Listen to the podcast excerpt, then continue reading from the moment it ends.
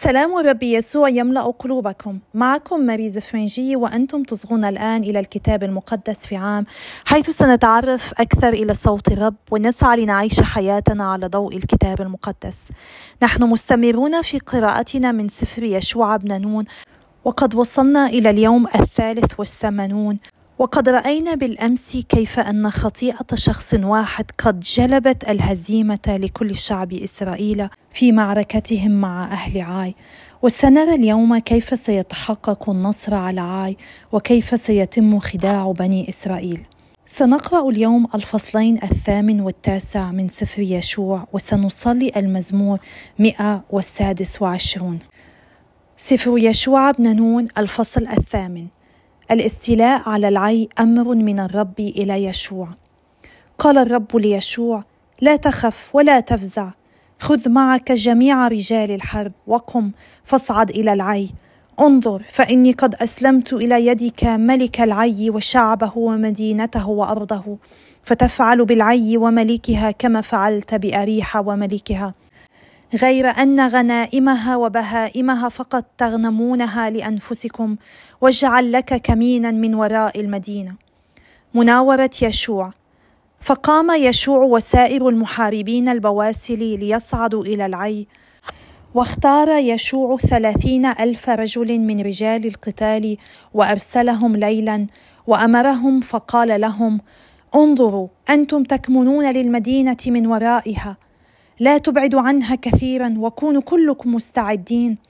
وأنا وكل الشعب الذي معي نتقدم إلى المدينة.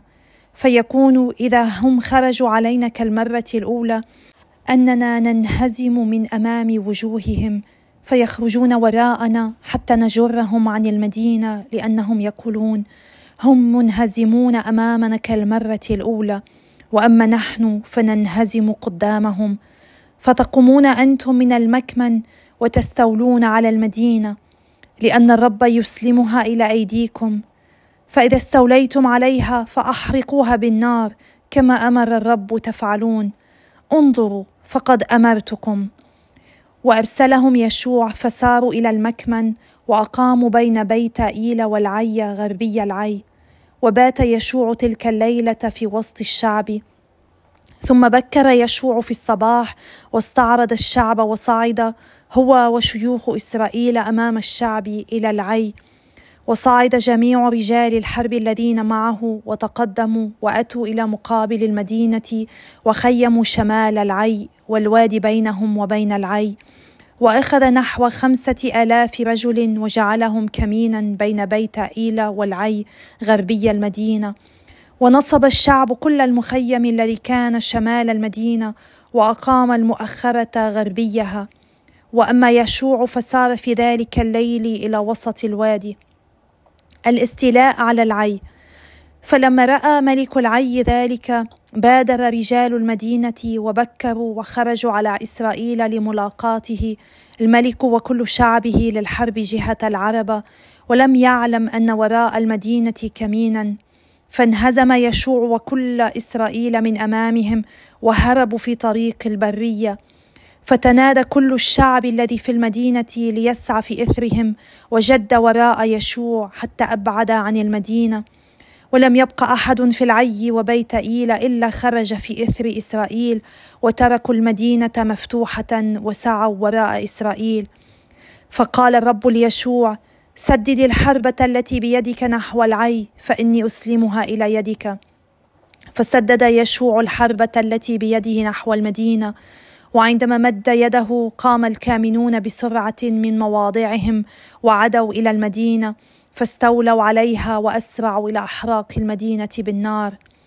فالتفت رجال العي ونظروا فإذا دخان المدينة صاعد إلى السماء. فلم يبق سبيل للهرب إلى هنا وهنا لأن الشعب الذي كان قد انهزم إلى البرية ارتد على مطارديه. ولما رأى يشوع وكل إسرائيل أن الكامنين قد استولوا على المدينة وقد ارتفع دخانها عادوا وضربوا رجال العي. وخرج الكامنون من المدينة للقائهم. فصار القوم في وسط إسرائيل هؤلاء من هنا وأولئك من هناك. فضربوهم حتى لم يبق منهم باق ولا شريد وقبضوا على ملك العي حيا وقادوه إلى يشوع. ولما انتهى بنو إسرائيل من قتل جميع سكان العي في الحقول وفي البرية حيث طاردوهم وسقطوا جميعهم بحد السيف عن آخرهم رجع كل إسرائيل إلى العي وضربوها بحد السيف. وكان جملة من سقط في ذلك اليوم من رجل وامرأة اثني عشر ألفا جميع أهل العي. التحريم والتخريب. ولم يردد يشوع يده التي مدها بالحرب حتى حرم جميع سكان العي. ولم يغنم إسرائيل لنفسه سوى البهائم وأسلاب تلك المدينة على حسب أمر الرب الذي أمر به يشوع. وأحرق يشوع العي وجعلها ركاما للأبد. خرابا إلى هذا اليوم. وأما ملك العي فقد علقه على شجره حتى المساء. وعند غروب الشمس أمر يشوع فانزلوا جثته عن الشجرة وألقوها عند مدخل باب المدينة وجعلوا عليه كومة من كبيرة من الحجارة إلى هذا اليوم. الذبيحة وتلاوة الشريعة على جبل عبال مذبح الحجارة غير المنحوتة. حينئذ بنى يشوع مذبحا للرب إله إسرائيل في جبل عبال كما أمر موسى عبد الرب بني إسرائيل على ما هو مكتوب في سفر توراه موسى مذبحا من حجارة غير منحوتة لم يرفع عليها حديد وأصعدوا عليه محرقات للرب وذبحوا ذبائح سلامية. تلاوة الشريعة. وكتب هناك على الحجارة تثنية اشتراع موسى التي كتبها أمام بني إسرائيل. وكان كل إسرائيل وشيوخه وكتبته وقضاته واقفين على جانبي التابوت من ها هنا وها هنا مقابل الكهنة اللاويين حاملي تابوت عهد الرب النزيل وابن البلد نصفهم إلى جهة جبل جريزيم والنصف الآخر إلى جهة جبل عيبال. كما كان موسى عبد الرب قد أمر أن يبارك اولا شعب إسرائيل. وبعد ذلك تلا كلام التوراة كله من البركة واللعنة بحسب كل ما كتب في سفر التوراة. لم تكن كلمة من كل ما أمر به موسى لم يتلها يشوع بحضرة جماعة إسرائيل كلها. مع النساء والأطفال والنزيل السائر معهم. الفصل التاسع.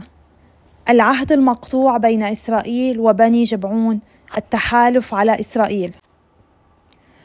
فلما سمع جميع الملوك الذين في عبر الأردن في الجبل والسهل وفي كل ساحل البحر الكبير إلى مقابل لبنان الحثي والأموري والكنعاني والفريزي والحوي واليبوسي تجمعوا معا لقتال يشوع وإسرائيل بالاتفاق.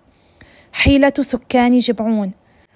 وسمع سكان جبعون بما فعله يشوع بأريحة وبالعي فاحتالهم أيضا ومضوا فتنكروا وأخذوا لحميرهم اكياسا بالية وزقاق خمر عتيقة مشققة مرقعة ونعالا عتيقة مرقعة في أرجلهم وثيابا بالية عليهم وكان كل خبز زادهم يابسا مفتتا ومضوا إلى يشوع إلى مخيم الجلجال وقالوا له ولرجال إسرائيل إننا قادمون من أرض بعيدة فاقطعوا لنا عهدا فقال رجال إسرائيل للحويين لعلكم مقيمون في وسطنا فكيف نقطع لكم عهدا؟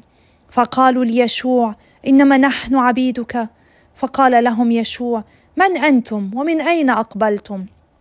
فقالوا له قد قدم عبيدك من أرض بعيدة جدا على اسم الرب إلهك لأننا سمعنا بخبره وبكل ما صنع في مصر وكل ما صنع بملكي الأموريين اللذين في عبر الأردن سيحون ملك حشبون وعوج ملك باشان الذي في عشتروت فكلمنا شيوخنا وسائر سكان أرضنا قائلين خذوا في أيديكم زادا للطريق وامضوا للقائهم وقولوا لهم إنما نحن عبيدكم فاقطعوا لنا عهدا.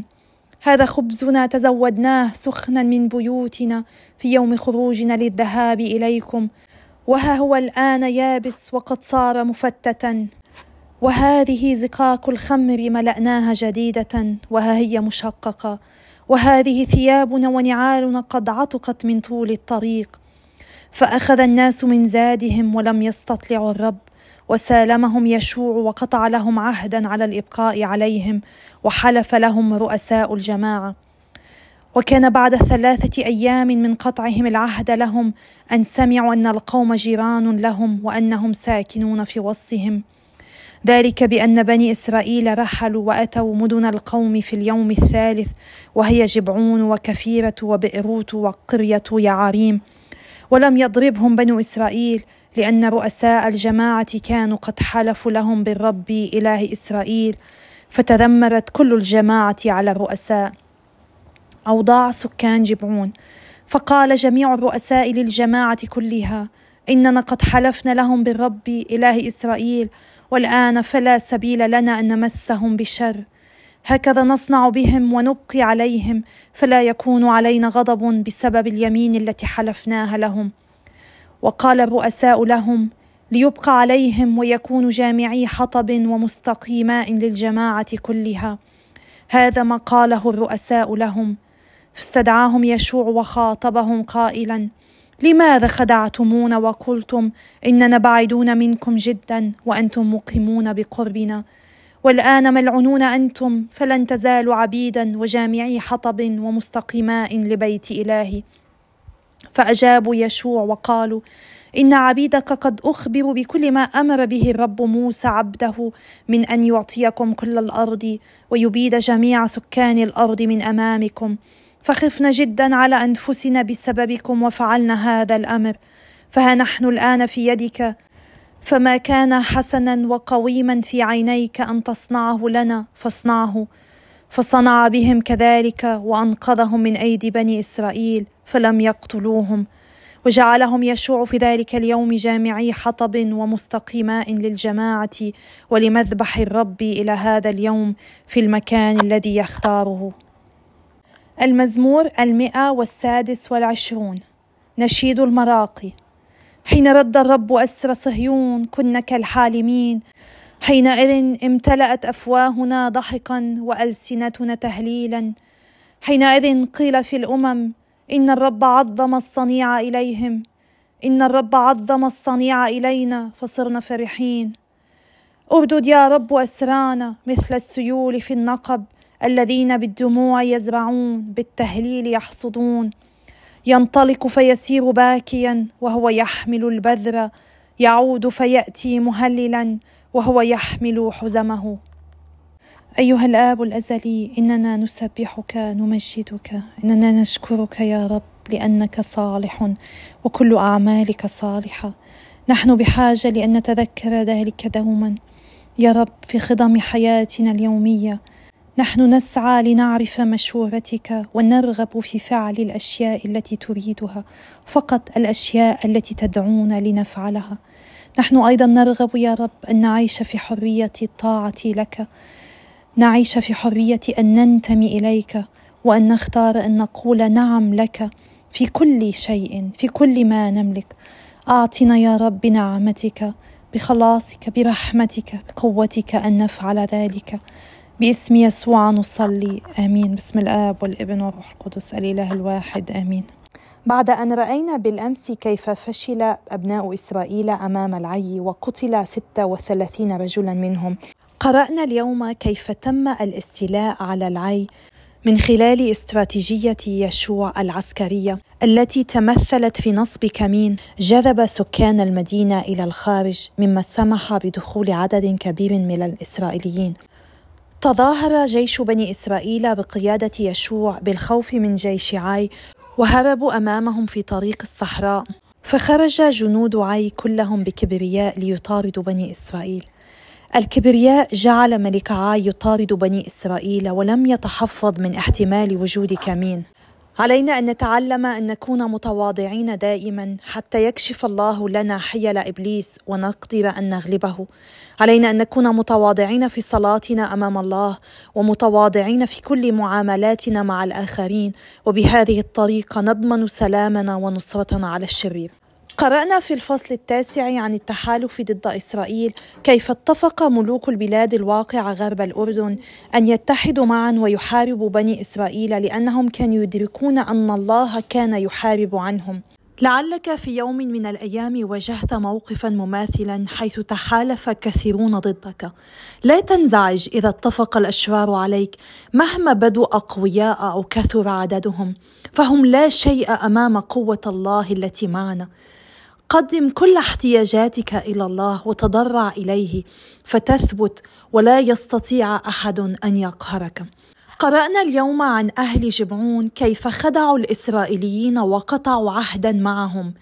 لقد ابتكروا حيلة كي يبقوا على قيد الحياة لأنهم أدركوا أن ليس لديهم فرصة ضد الإسرائيليين الذين كان يقودهم الله. أهل جبعون هم من الحويين إحدى الشعوب التي أمر الله إسرائيل أن لا يتحالفوا معها. ولكن هنا أخطأ شعب إسرائيل بأنه لم يطلب الإرشاد من الرب فسقط في الحيلة ودخل في عهد رباطي معهم. علينا أن نتعلم أن نكون حريصين في حياتنا حتى لا يخدعنا إبليس بحيله حتى نكتشفها علينا أن نفحص هل الفكرة أو الأمر المعروض علينا يقربنا إلى الله ويؤدي بنا إلى البنيان يعطينا راحة وسلام. وعلينا أن نتأكد من ذلك بالصلاة. فإن كان كذلك فهو من الله وإن كان عكس ذلك فهو من الشرير مهما بدا منطقيا. لأن إبليس يفسر الواقع بأفكاره الشريرة ليخدعنا ويبعدنا عن الله.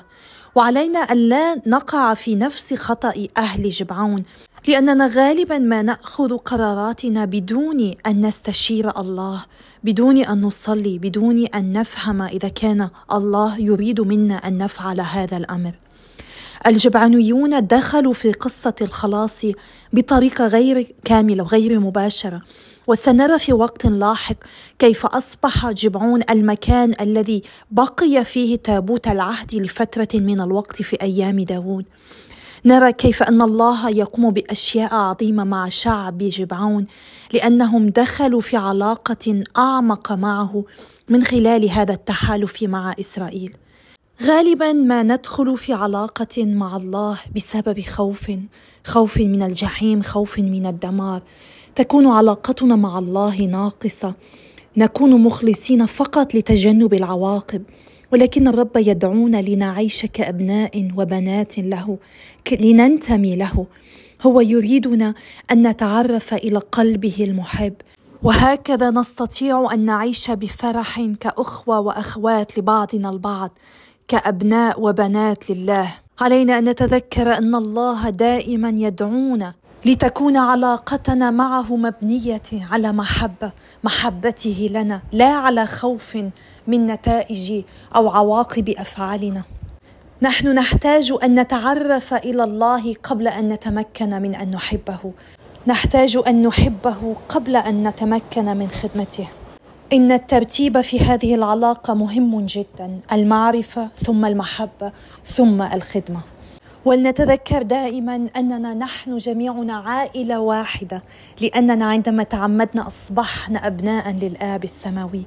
لذلك كعائلة فلنستمر بالصلاة من أجل بعضنا البعض لكي ينال كل واحد منا فرصة للتعرف على الرب وإقامة علاقة حميمة معه صداقة مبنية على معرفته لا على الخوف منه. ولنستمر بالصلاة من أجل بعضنا البعض لكي نثابر في هذه المسيرة مع الكتاب المقدس في عام حيث كلمة الله تسعى لتغييرنا ولأن تقربنا من أبينا السماوي أكثر. وإلى اللقاء غدا يوم آخر إن شاء الله.